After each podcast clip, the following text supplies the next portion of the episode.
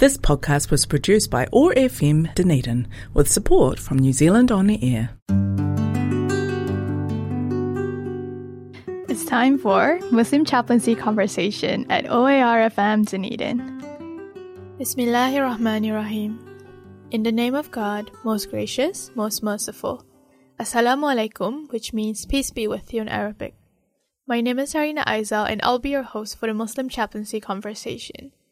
In today's episode, we have an interview with Dr. Mohammed El Sayed Bushra, a teaching fellow in the politics program at the University of Otago, who'll be filling in for Dr. Najib Lafraie over the coming weeks. We begin though with a recitation of the Quran by Sheikh Azin Muhammad Ahmad, chapter 81, At Takwir, Surrounded in Darkness. إذا الشمس كورت وإذا النجوم كدرت وإذا الجبال سيرت وإذا العشار عطلت وإذا الوحوش حشرت وإذا البحار سجرت وإذا النفوس زوجت وإذا الموءودة سئلت بأي ذنب قتلت وإذا الصحف نشرت وإذا السماء كشطت وإذا الجحيم سعرت. وإذا الجنة أزلفت علمت نفس ما أحضرت فلا أقسم بالخنس الجوار الكنس. والليل إذا عسعس والصبح إذا تنفس إنه لقول رسول كريم. ذي قوة عند ذي العرش مكين وطاع ثم أمين. وما صاحبكم بمجنون ولقد رآه بالأفق المبين. وما هو على الغيب بضنين. وما هو بقول شيطان رجيم.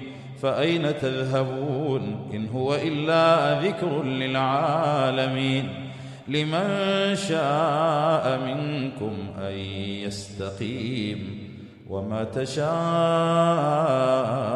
إلا أن يشاء الله رب العالمين Translation of the recited verses In the name of God, most gracious, most merciful.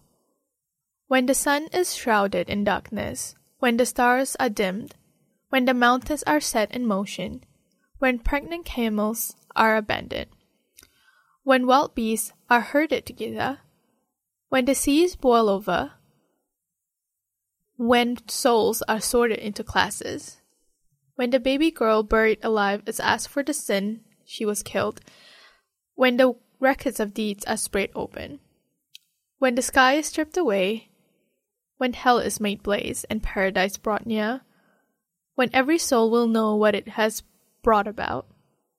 I swear by the planets that recede, move, and hide, by the night that descends, by the dawn that softly breathes. This is the speech of a noble messenger who possesses by great strength and is held in honor by the Lord of throne. He is obeyed there and worthy of trust. Your companion is not mad. He did see him on the clear horizon. He does not withhold what is revealed to him from beyond. This is not the word of an outcast devil. So, where are you people going? This is a message for all people, for those who wish to take the straight path, but you will only wish to do so by the will of God, the Lord of all people. We will now begin our interview with Dr. Bushra. Assalamu alaikum, Dr. Muhammad El Said Bushra. Thank you so much for being today on our show. Thank you for having me. Uh, would you please introduce yourself to our listeners? Okay, uh, so my name is uh, Mohammed Said Bushra. Um, I am currently working as a teaching fellow in the politics program at the University of Otago. Um, uh, prior to, I've only been in Dunedin since uh, December 2021. And uh, prior to this, I was most recently based in the US, where I was completing my PhD in Islamic Studies at the University of Georgetown or Georgetown University, and uh, uh, yeah, uh, prior to that, I, I uh, studied political theory in London. Uh, but inshallah, I'll uh, get into more detail about all of uh, that shortly. It seems like there's a lot um, that we can talk about today. Um, how are you related to Dr. Najib? So I'm Dr. Najib's uh, son-in-law. Mm. I've been so for the past uh, 11 years. Mm. Yeah, it, it's great to meet you. Um, he's said a lot of good things about you before meeting you today. Um, so let's talk about your family background. So you grew up in Saudi Arabia. Can you share with us that story? Uh, sure. Uh, so, uh, yes, I was born in Riyadh, in the capital of Saudi Arabia, and I lived there for the first uh, 17 years of my life. Um, my, I'll perhaps say a bit, bit, about my family, because I myself am not Saudi, uh, neither any of my family members. Um, so my father is originally from Sudan, and um, my mother is from Austria. Um, my parents met, uh, got married in London in 1963, and uh, yeah, they, they were they were based in London for a while, uh, and uh, then they moved between uh, the UK and Sudan um, for a bit of like until about 1976, and in 1976 my um, parents moved over to Riyadh. Uh, my dad accepted the job at King Saud University. Uh, he's a professor of geography. and my mother was a, uh, school teacher. Uh, they thought initially that it would be just something very temporary, but uh, they ended up staying there for 25 years. Uh, so it was 76 until 2001. And during that time, I was born. Mm. How many siblings do you have? I have uh, four siblings. I have uh, four sisters. Uh, all are older than me. Mm, so you're the youngest. I am the youngest. um, and what's it like going to school there?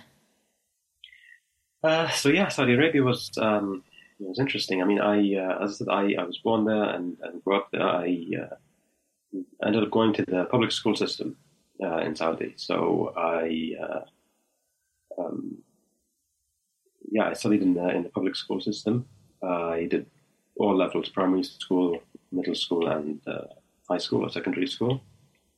Um, it was a mix of good things. I mean, we we lived in the uh, King Saud University compound, uh, so this is basically the housing for the faculty at uh, the university, and it was quite a nice uh, place to grow up. It was like a self-contained neighborhood, essentially.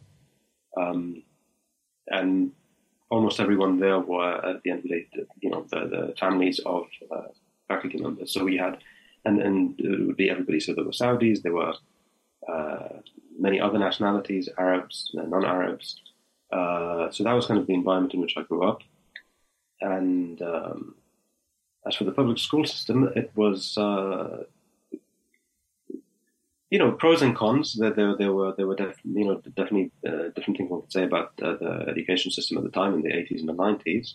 Um, but I, I think I, am kind of grateful for it uh, overall because, like, one of the big benefits was so we we spoke uh, English at home. You know, it was the middle language. My dad uh, speaks Arabic by default. My mum speaks German. Uh, they met in London and everything, and kind of the, the language we spoke at home was English. Uh, but by going to school in public school system, I started out with very little Arabic, and by the end of primary school, you end up bilingual. Uh, so alhamdulillah, that was kind of one of the main, main benefits. So you, you study in Arabic, all of the subjects are taught in Arabic. Uh, so that was alhamdulillah one of, one of big, big benefits, and it's uh, uh, helped me later in life as well. Mm. And did you receive any religious studies while you were there? Uh, so the, I think that that's changing now uh, in Saudi, but uh, uh, at the time, certainly in the, in the 80s and 90s, the public public school system had um, quite a heavy emphasis on religious studies within the non-national curriculum. so it changes from you know level to level, but by the uh, end, by when you kind of uh, in your final years of high school, even if you, you know, in high school they kind of they branch to two specialisms. You can either specialize in sciences or uh, in arts and humanities. Um, but even if you take the science route, which is what I took, uh, you still study uh, five uh, religious subjects. So you take uh, Quran, Hadith, um, Tafsir, so Quranic interpretation, Fiqh, jurisprudence, and uh, what was the other one? Uh, uh, Aqidah, or theology or Tawheed. Mm. so that, that was kind of that. And then in addition to that, um, also when I was younger, uh, just quite a standard thing. Again, I don't know what the situation is currently in Saudi, but at the time it was very normal to uh, uh, take uh, extracurricular Quranic recitation uh, lessons. So you basically do that at the mosque. Um, so I did that for a while, especially when I was uh, younger.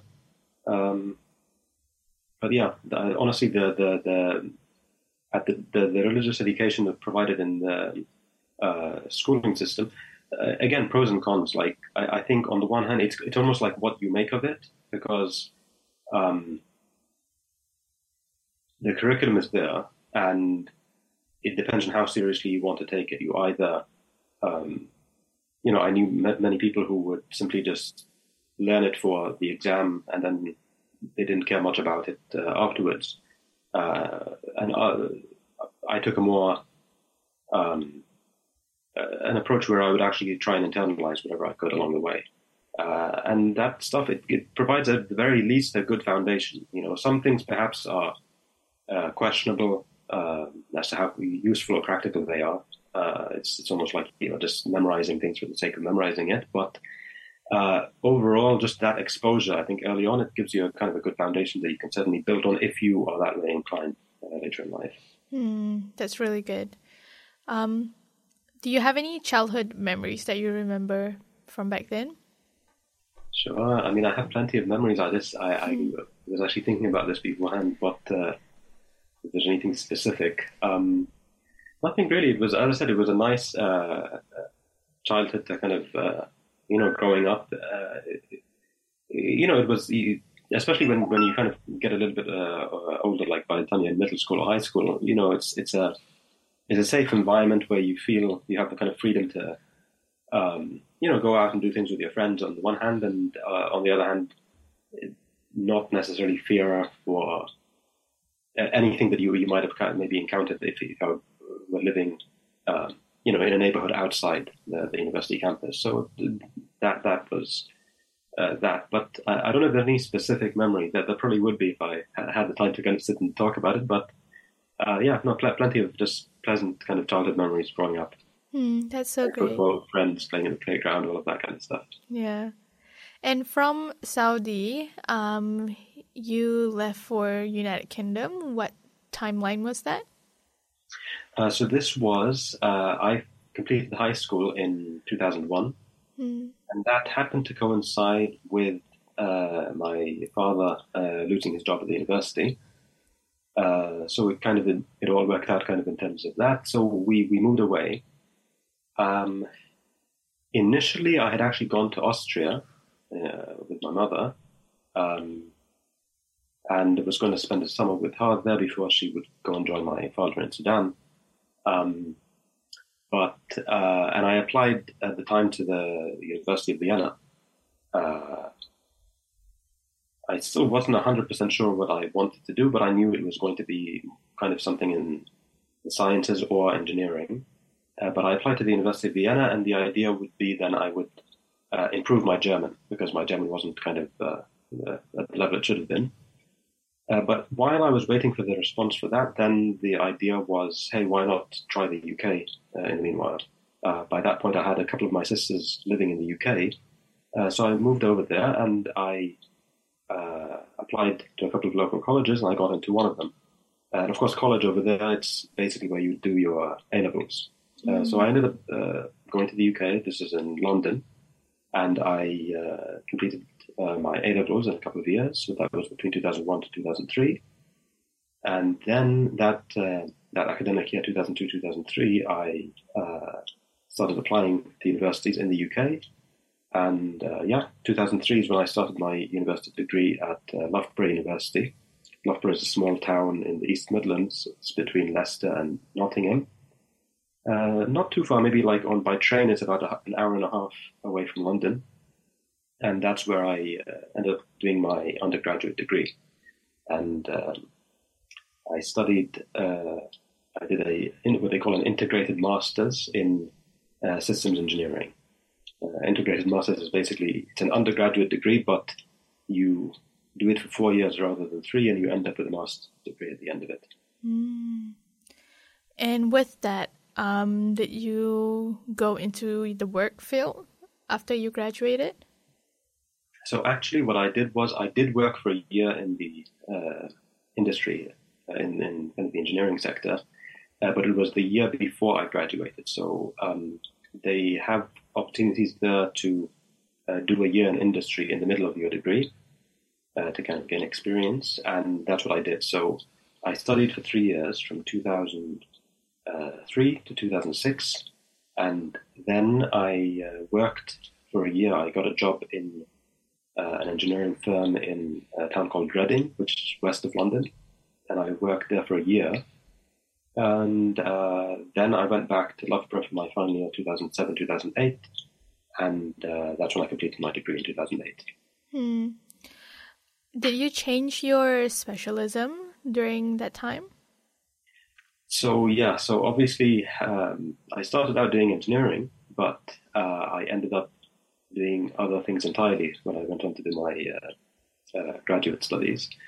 Uh, what happened was about halfway through my degree, or even less than that, perhaps I think it was I was in my second year or so of the engineering program. When I looked around me and I found that all of the people who I was close with, my friends uh, at university, were none of them were engineers. They were all people who were either studying politics or international relations or art or art history, and I kind of was gravitating more towards those kinds of uh, people. And me and myself, I you know I was competent at doing the engineering stuff. I mean, the only reason I went in was also I you know I was good at maths, I was good at physics, uh, so that's what I gravitated towards. But um, it was at that point that I started looking back at um, what my interests really are, and the fact is, I, I always used to have an interest in politics, uh, in religious studies, and I also started realizing what I was good at. Uh, that uh, thinking about uh, things to do with like an Islamic fiqh, um, also things relating to Arabic grammar, all of these things which uh, at the time I realized were my strengths, and I started very much losing interest in engineering. Mm. So it was really a question of whether I wanted to, you know, drop out and completely change paths uh, right then and there, or complete my degree, you know, uh, have this as a, maybe a backup, and then uh, then afterwards move on to something else. And that's the the latter the, the latter choice is what I ended up going for. So I, you know, I, I stuck it out. I finished my degree. I even worked in industry for a year, and that just reconfirmed for me my suspicion that I wasn't particularly passionate about this. Uh, and once I was finished you know, with my degree, then that's when I decided to, uh, you know, move on to uh, other studies. Mm. It's great that you mentioned this because there's a lot of people who have change of um, ideas of where they want to go after they graduate and like especially during their studies. So um, it's great that you share this for the listeners out there, uh, especially the students.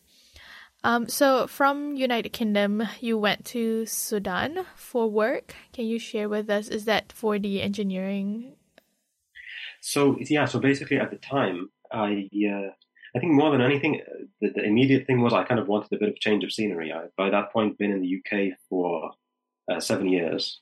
So this was from 2001. First, I did my you know my A levels for two years, and then altogether with the year in industry, that was another uh, five uh, years. So I decided to, um, you know, uh, my, my, father was based at the University of Khartoum in Sudan. he was still teaching, you know, in the geography department. Uh, so I decided this would be a good opportunity. You know, that he, he has a house there. I can go and I can, you know, stay with him for a while and uh, see what I wanted to do. And um, I think also part of me there was this kind of idealistic idea that okay, I have a good degree, I can go and maybe help somehow, I can I can contribute uh, to Sudan in one way or another. Um, obviously, what I soon came to realize was that uh, in, in a situation like Sudan, you kind of really need to have connections to be able to uh, get ahead and, and kind of do things or even contribute in any way.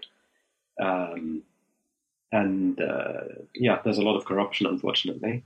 Uh, so anyway, so what, what, I, what I did was I went to Sudan. I applied for quite a few positions. I uh, the the one that I ended up getting was essentially an adjunct teaching position at uh, the Sudan University of Science and Technology, uh, which is quite a good university for you know science and engineering uh, subjects. I was working for one semester in the Department for Aeronautical Engineering, which is not too far off from what I did in my systems engineering degree. Uh, and yeah, I taught two courses. Uh, one was mechatronics, and the other one was avionic systems uh, at that department, uh, in the hopes that you know I'd be able to kind of demonstrate that I'm competent and that maybe I would be able to get a kind of permanent position. However, again, the kind of connections question kicked in, and uh, it didn't really materialize into anything. I was expected to continue working for quite low wages.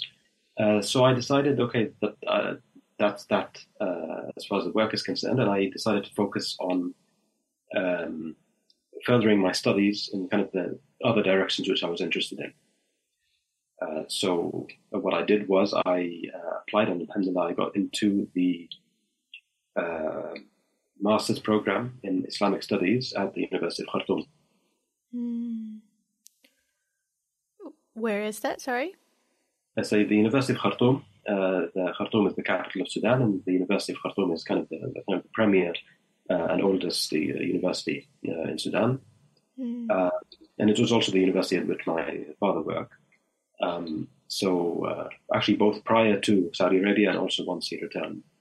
Uh, so yeah, so I work. I went and I studied uh, my master's in Islamic studies. The, the master's program initially for people who either had come with um, degrees in Islamic studies from other universities, or for people such as myself who had studied something else for their undergraduate degree, they had a uh, like a foundation year prior to entering the master's program. So it's a one-year course which is shared with the bachelor's honors students, so the students who are doing the honors degree do it for five years instead of four. Uh, so you share that year with them, and you take a whole host of coursework basically. So you study all the different sciences. So Islamic art, Islamic economics, Islamic politics, and research methods. Uh, there was a couple of uh, fiqh or jurisprudence courses, uh, tafsir. Um, so I did all of that, and alhamdulillah, I did quite well. And then at the end of that, then you're uh, qualified to begin the actual master's program, which you have two options to do. One was by coursework, which would be for two years. You stick around and you kind of work uh, on the masters uh, through coursework for two years, uh, or uh, you do it by research. And again, you have two years basically to uh, write a thesis. Uh, the the the program in Sudan, the, that that one year which I studied my, my courses, it was a very mixed bag. Um, again, the, the economic situation in Sudan is such that um, um, you, you, know, you have a mix of professors. Some of the professors were very, very qualified and very, very learned, uh, and were very capable uh, of teaching the subject matter. Uh, these were typically the kind of more senior and some of the more serious younger professors. And then other professors were very uh, underwhelming. Uh, it was just not uh, what I was expecting. It was, and part part of it was again either just very incompetent teachers in themselves, but in other instances it was the case that again, d- down to the economic circumstance, that um, they're just not capable of kind of, uh, you know, offering the best that they otherwise, maybe in other circumstances, could.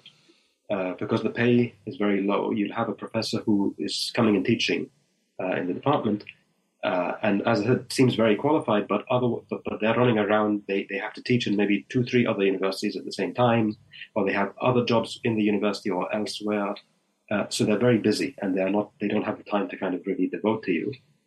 Uh, so due to that, uh, it obviously affects the, the, learning experience. So alhamdulillah, I made the best of uh, what I had, but I decided that I uh, wouldn't gain much benefit from continuing for another two years doing the same kind of thing. Mm. So I decided to do my um, my thesis by research, and uh, so I'd stayed in Sudan by that point for two years, uh, from 2008 to 2010. And then I basically returned to the UK and I uh, was doing my thesis while I was in the UK. Mm. And when you were in the UK, what else did you do when you were there? So immediately upon returning, I actually uh, I actually left my uh, thesis and research concerns almost on the back burner. So I, I, did intend to finish it eventually, and alhamdulillah, eventually I did. But my immediate thing was I obviously sought work, and I sought uh, like other ways to uh, change my career path, basically. Uh, so I found a job in the uh, human rights sector in London, uh, and particularly I focused on kind of working in uh, human rights organizations that focus in one way or another on uh, concerns regarding Muslims. Uh, so either uh, organizations which focused on countering Islamophobia and uh, cases of anti-Muslim discrimination, um, or others which were, were, focusing on, for example, abuses coming out of uh, counterterrorism legislation, which is obviously you know in this decade following 9/11 attacks. there was a lot of cases involving uh, Muslims in which uh, the, the, the, human rights were not respected, basically. So I, I, worked in that sector for around two and a half years. Uh, so from yeah from mid 2010 up until the end of 2012. Um, and I worked in a few different organizations at the time. Uh, and this is also this coincides with uh, around the time that I uh, got married. I got married in 2011. Uh, so that was the first time that I came to Dunedin. Uh, that was in July 2011. Um, yes, and then I, yeah, I obviously I was in London uh, until 2013. Um, so during this time, while I was working, I uh, I applied for master's programs in London and I tried to uh, get something which was again close by where I could at least continue working. And uh, you know, my ultimate goal by this point was to um, further my studies by doing a PhD. But I thought that again, due to the, the background that I had had at the time, which was again engineering and then sitting in Sudan, I, I thought I would improve my chances if I um, did another master's degree in perhaps a, another field. And uh, I applied to a few places, and alhamdulillah, I got quite a few offers, and uh, the one that I accepted was to study a master's in political theory at the London School of Economics. Mm. And then, at what point did you start your PhD? Uh, so that was the following year. So the, the master's program in uh, London uh, is a one year program. Uh, so I started that in October 2012, and it ran until September 2013. Uh, so that was a very, very busy year uh, because um, uh, in the first semester, anyway, I was still working. Uh, I continued to work. Actually, I got another job, like a freelance job, in the second semester. But for the first semester, I was still working in the human rights sector. I started my uh, program at the LSE, and uh, also I in a few months prior, especially during the summer, before starting that program, I got back to working on my thesis for uh, my degree in Sudan. So uh, I was requested to come back to the University of Khartoum in Sudan because at the time there was no Zoom and there was no Skype or you know at least they, they weren't using it. Mm-hmm. Uh, so I uh, um, I had to go back in person in November to defend my thesis. Uh, so it was very busy. I, I, it was a Friday evening. I finished with my uh, classes uh, at the LSE. I went to the airport. I uh, went to Sudan for the weekend, uh, defended my thesis, and came back. And went straight back to classes on Monday morning. wow. And so that was that. And then I got busy in the following weeks with my PhD applications. And at the time, I decided to focus on applying to uh, North American universities. So mostly the US, as, uh, as well as I think at least one university in Canada, um, because I wanted to experience a different educational system. Uh, that was one thing. I thought I'd benefit from that, and alhamdulillah, turned out I was right.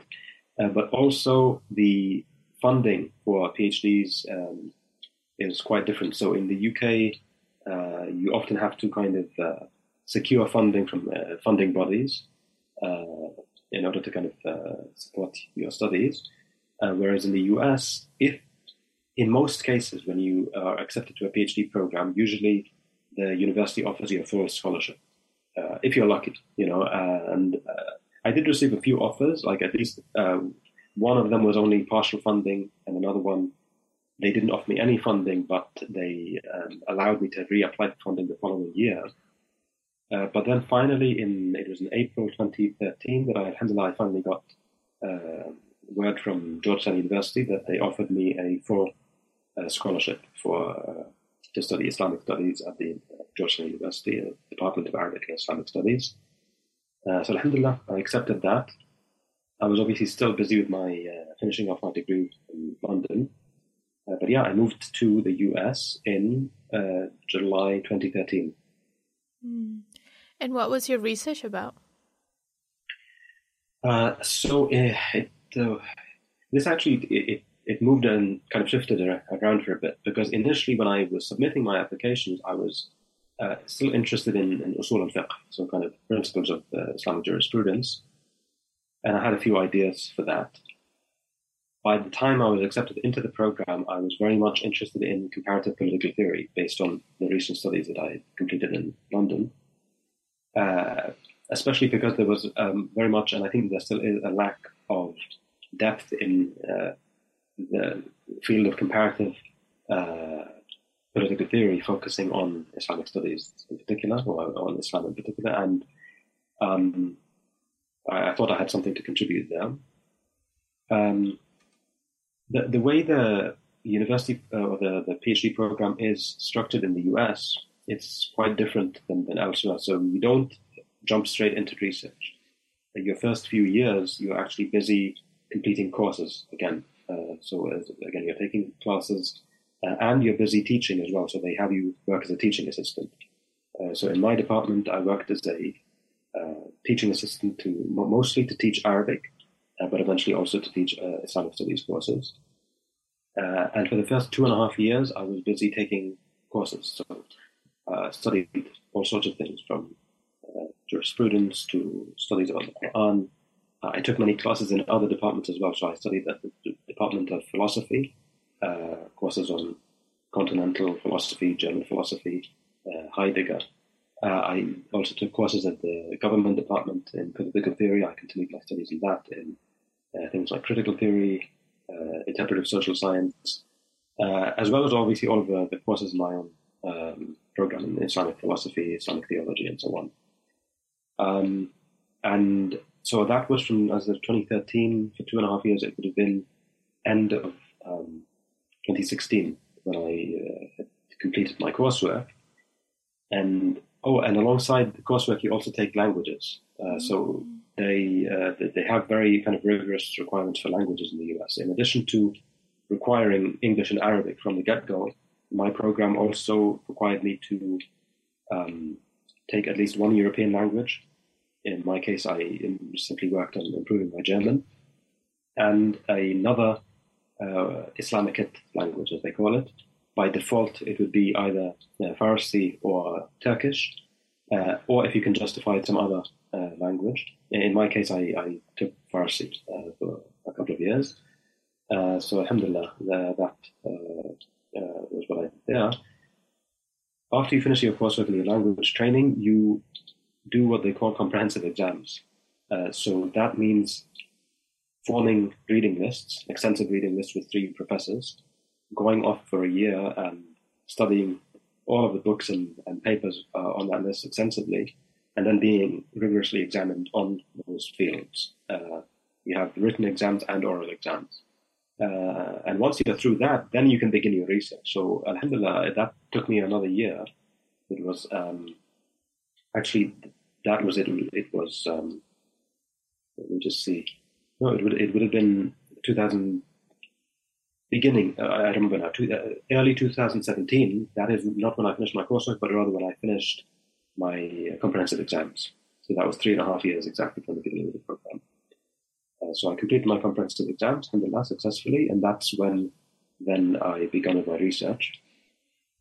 And uh, it took a while for me to form my thoughts. I, I got busy for a while, actually, the first year, 2017, 2018, I got busy translating a book uh, by a, uh, a prominent uh, social and political theorist based in the UK. Uh, I translated his book from English to Arabic, and alhamdulillah, that was published in 2018 with a good Arabic language academic publisher. And uh, then I, uh, it took longer than I had anticipated as well. It, uh, I, I, thought it would be a few months. It ended up being about 10 months. Mm.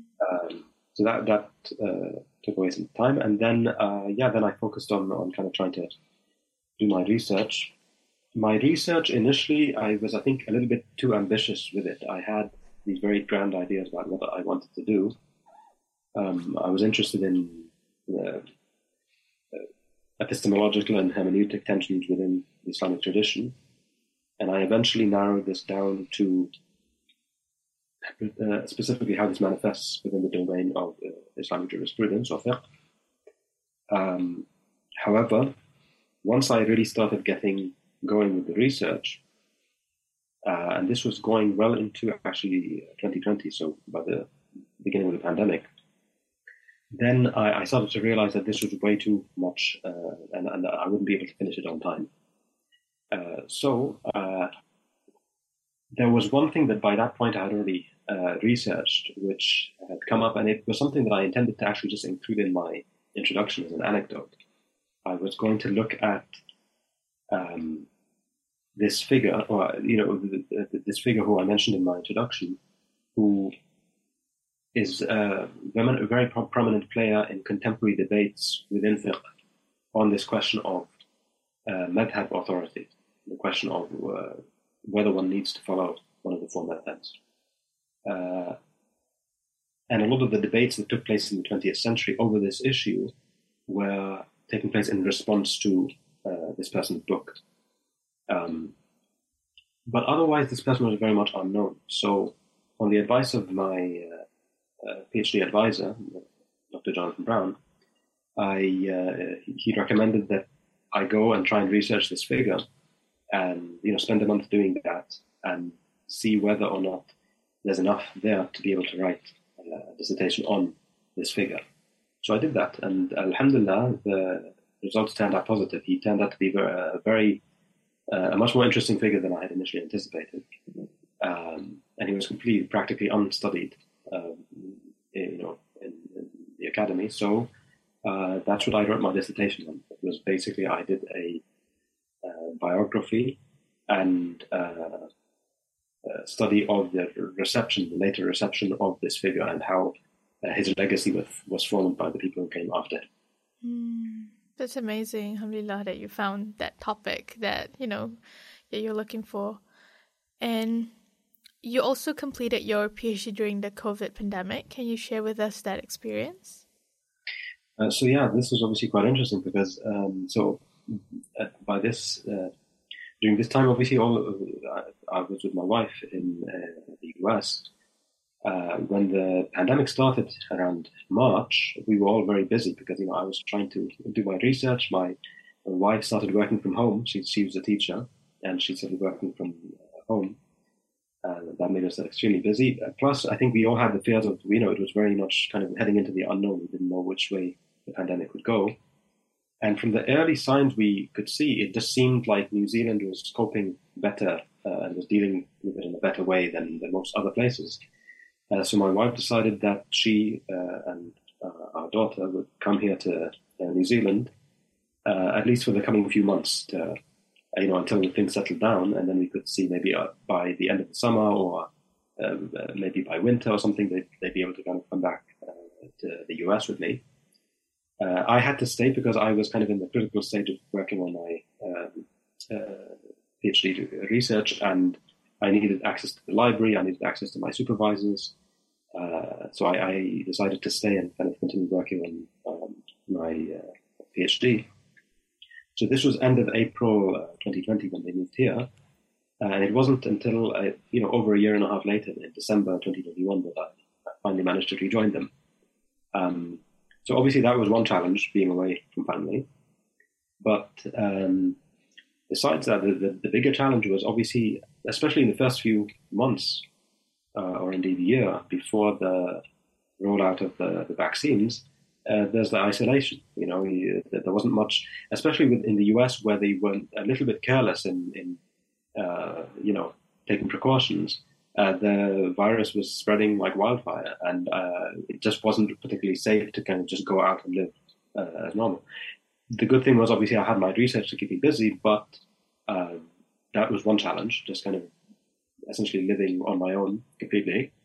Uh, the other major challenge was also to do with the research itself, and it actually did impact uh, my research because uh, there were library closures. So one example is that um, in the course of my research, I found that there was a very important archive of a particular uh, periodical, a magazine that was published in Mecca, to which uh, the figure who I studied contributed regularly. And I wanted to access the archive, and I thought, luckily, that the, the archive was very close by in the Library of Congress in Washington, D.C., uh, just down the road. The, the, they had the entire archive. And I tried to access it, and I could not because, again, the pandemic uh, had, uh, due to the pandemic, the library was completely closed. They were not loaning out any of these items to other libraries. So even if I tried to request it through the Georgetown University Library, they weren't going to send it.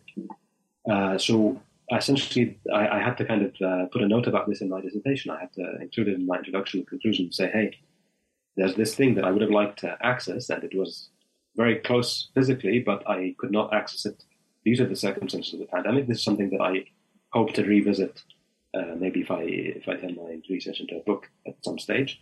It's something that I would like to do, but I can't do it at the moment. Uh, so that that was like one obvious uh, way that uh, you know it, it, affected my research.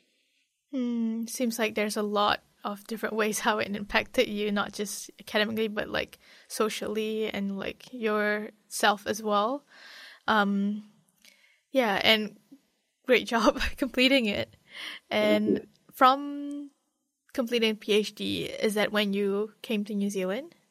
Yes, almost immediately. Uh, so alhamdulillah, it worked out the way it did. Uh, that last semester there, so this was basically September till December 2021, uh, nearly a year ago now, I was just um, extremely busy trying to finish off uh, all of my uh, writing and uh, at the same time applying for the MIQ and applying for my visa. And that was a very kind of long-winded process. And uh, alhamdulillah, I'm, I'm just uh, amazed and uh, really grateful and thankful that I, that I, managed to kind of get everything done on time.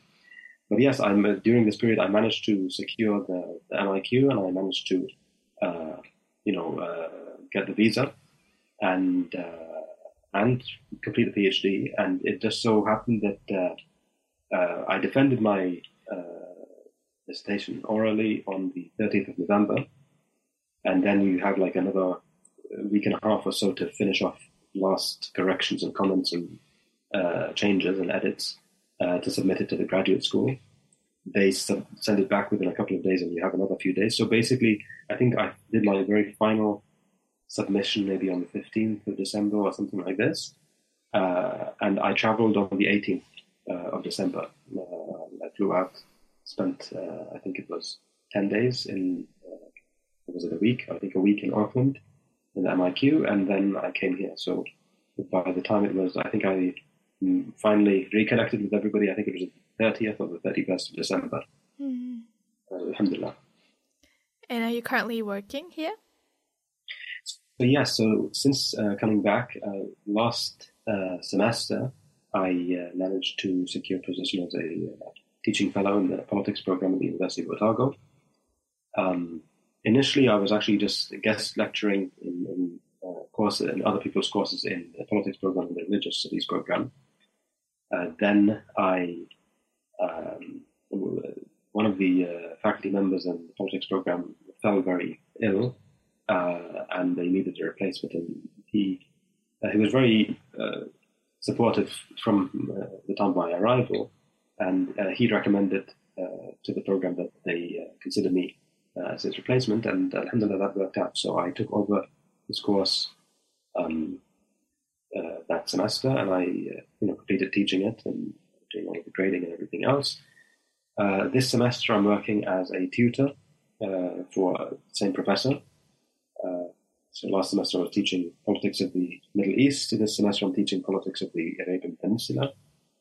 Um, and in the meanwhile, I'm very busy uh, sending off lots of applications. Uh, uh, that's the main challenge is to kind of uh, find something more secure. Mm, inshallah, I hope that everything goes well for you here in New Zealand. Um, let's talk about future plans. So, you know, um, there's a lot going on for you right now. You're applying for jobs, but do you see yourself living here and uh, settling down here, or do you have plans to go elsewhere? Uh, I honestly don't know. Uh, the the main challenge here in New Zealand is that uh, Islamic studies as an academic discipline does not really exist. Uh, there's no independent center uh, or department that focuses solely on Arabic and Islamic studies or any related fields such as Middle Eastern studies or uh, Near Eastern studies. so that's a challenge. I obviously have the hope that I can maybe find something in an adjacent field, so politics or religious studies, uh, and I'm applying to those kinds of positions. Um, however, uh, generally academia, it's it's very limited, like what is available uh, for permanent positions, uh, and uh, so I'm keeping my options open. I'm applying uh, to positions in New Zealand, but now I've also started looking elsewhere. so I started applying to some positions in Australia and I uh, uh, also started applying to positions back in the US as well. So I'm keeping my options open, and I don't know where things will take me, but inshallah, uh, we will see what the future holds. I mean, New Zealand is great. I, you know, and especially the fact that family is here, it's uh, it would be nice to be able to settle here, but uh, I have to uh, keep my options open to see, you know, where, where my job prospects take me. Mm. And it's also great that we believe Allah knows best. So wherever you go, it's, it would be the best for you and your family. Exactly. Mm. And you also brought a song for us today, and we'll play this song after the interview. Can you share us a bit about the song? Yes. Uh, so the, reason why I, I, selected this song in particular is um, the, the singer. He, he's a rapper uh, from Mecca, and uh, I recently learned that he has been incarcerated since uh, March 2022. Uh, and uh, as is the case with a lot of the cases of people under, up in jail in Saudi Arabia at the moment, um, it's almost certainly due to his uh, political expression. Um, he's not particularly well known. He doesn't have a huge following or anything, but uh, he has expressed in his lyrics in the past uh, certain kind of strong views regarding things such as corruption or um, just the way the government handles certain things, or sometimes even hypocrisy in society. Uh, and I can almost guarantee that that's almost certainly the, the reason why he, he's ended up in jail.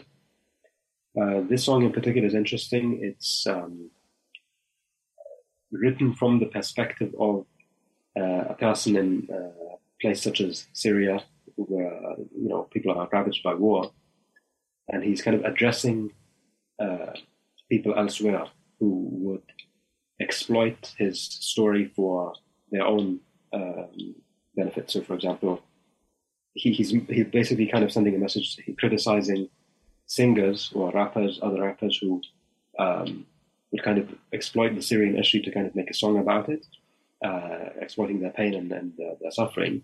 And so he's, he's writing it from that perspective. Mm. Uh, he has other songs which are kind of more directly critical of uh, the government, but uh, this one in particular I thought was kind of a, a, a lyrically certainly a nice uh, thing to share. Mm, and thank you for carefully and choosing this song for the show. I think um, it's great for us to learn more about what's happening around the world. Um, and we really appreciate you being here today. Thank you so much for sharing your story. And um, it's great that you'll be working with me for the next Muslim chaplaincy shows. Thank you so much for having me, and I look forward to working with you. Now, we will listen to a song by Meccan rapper Shiboba entitled Yefdal Hibra, Your Ink Remains.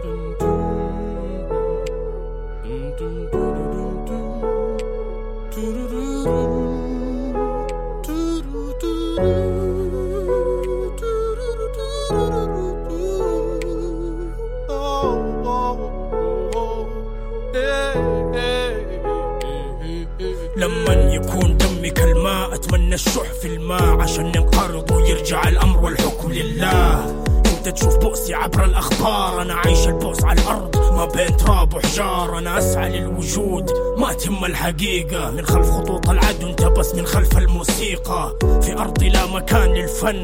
وفر حبرك. الناس هنا وسط الدمار وما يفيدهم شعرك. معاناتك في تكميم الأفواه. سبات. معاناتي زوجة مخطوفة وأبناء رفات.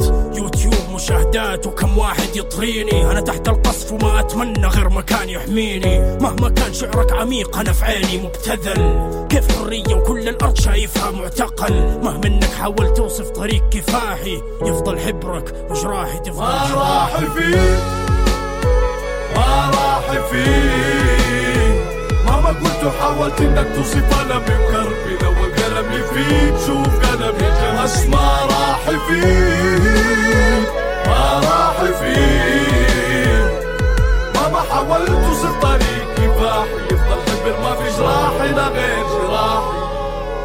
السياسيين منافقين يتاجروا بحريتي والفنانين منافقين يتاجروا بقضيتي بكي الحضور عشان تلقى القبول من الجمهور. حط النفاق وحش الكذب بين السطور. كيف اشيل تعاطفك وأنا حملي زائد تهتم بجرحي بس لأنه جرحي موضوع سائد. إخراج ومونتاج تتفننوا في همي برامجكم توصف جرحي طبعتوا الأرباح لدمي نداءات توافق وداعين إصلاح. ما راح يفيدني غير إخوة مرابطين وسلاح. ما يهم تسمع صوتي صوتي مسموع عند الإله. حريتي في موتي يا ربي عجل متى لقياه. في أرضي لا مكان للفن وفر حبرك شعبي وسط الدمار وما يفيدهم شعرك. أكتب وحاول أوصف طريق كفاحي. يفضل حبرك وجراحي تفضل ما راح فيه ما راح فيه مهما قلت وحاولت إنك توصف أنا بكربي لو قلمي فيك شوف قلمي. جمس ما راح فيه ما راح فيه مهما حاولت توصف طريق كفاحي يفضل حبر ما في جراحي لا غير.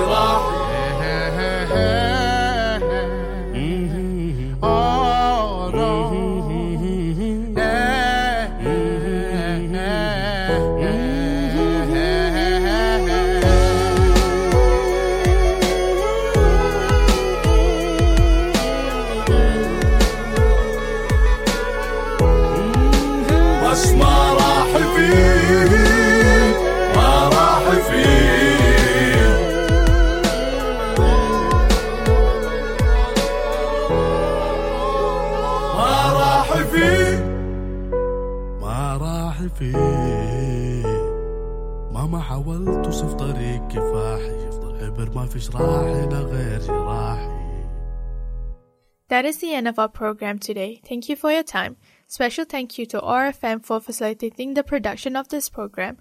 I should add that the views expressed in this podcast do not necessarily represent the views of Otago Muslim Chaplaincy as such. If you have any questions, feel free to email muslimchaplaincy at otago.ac.nz. We hope to see you next time, inshallah, God willing. Assalamu alaikum. You've been listening to Muslim Chaplaincy Conversation at OARFM Dunedin.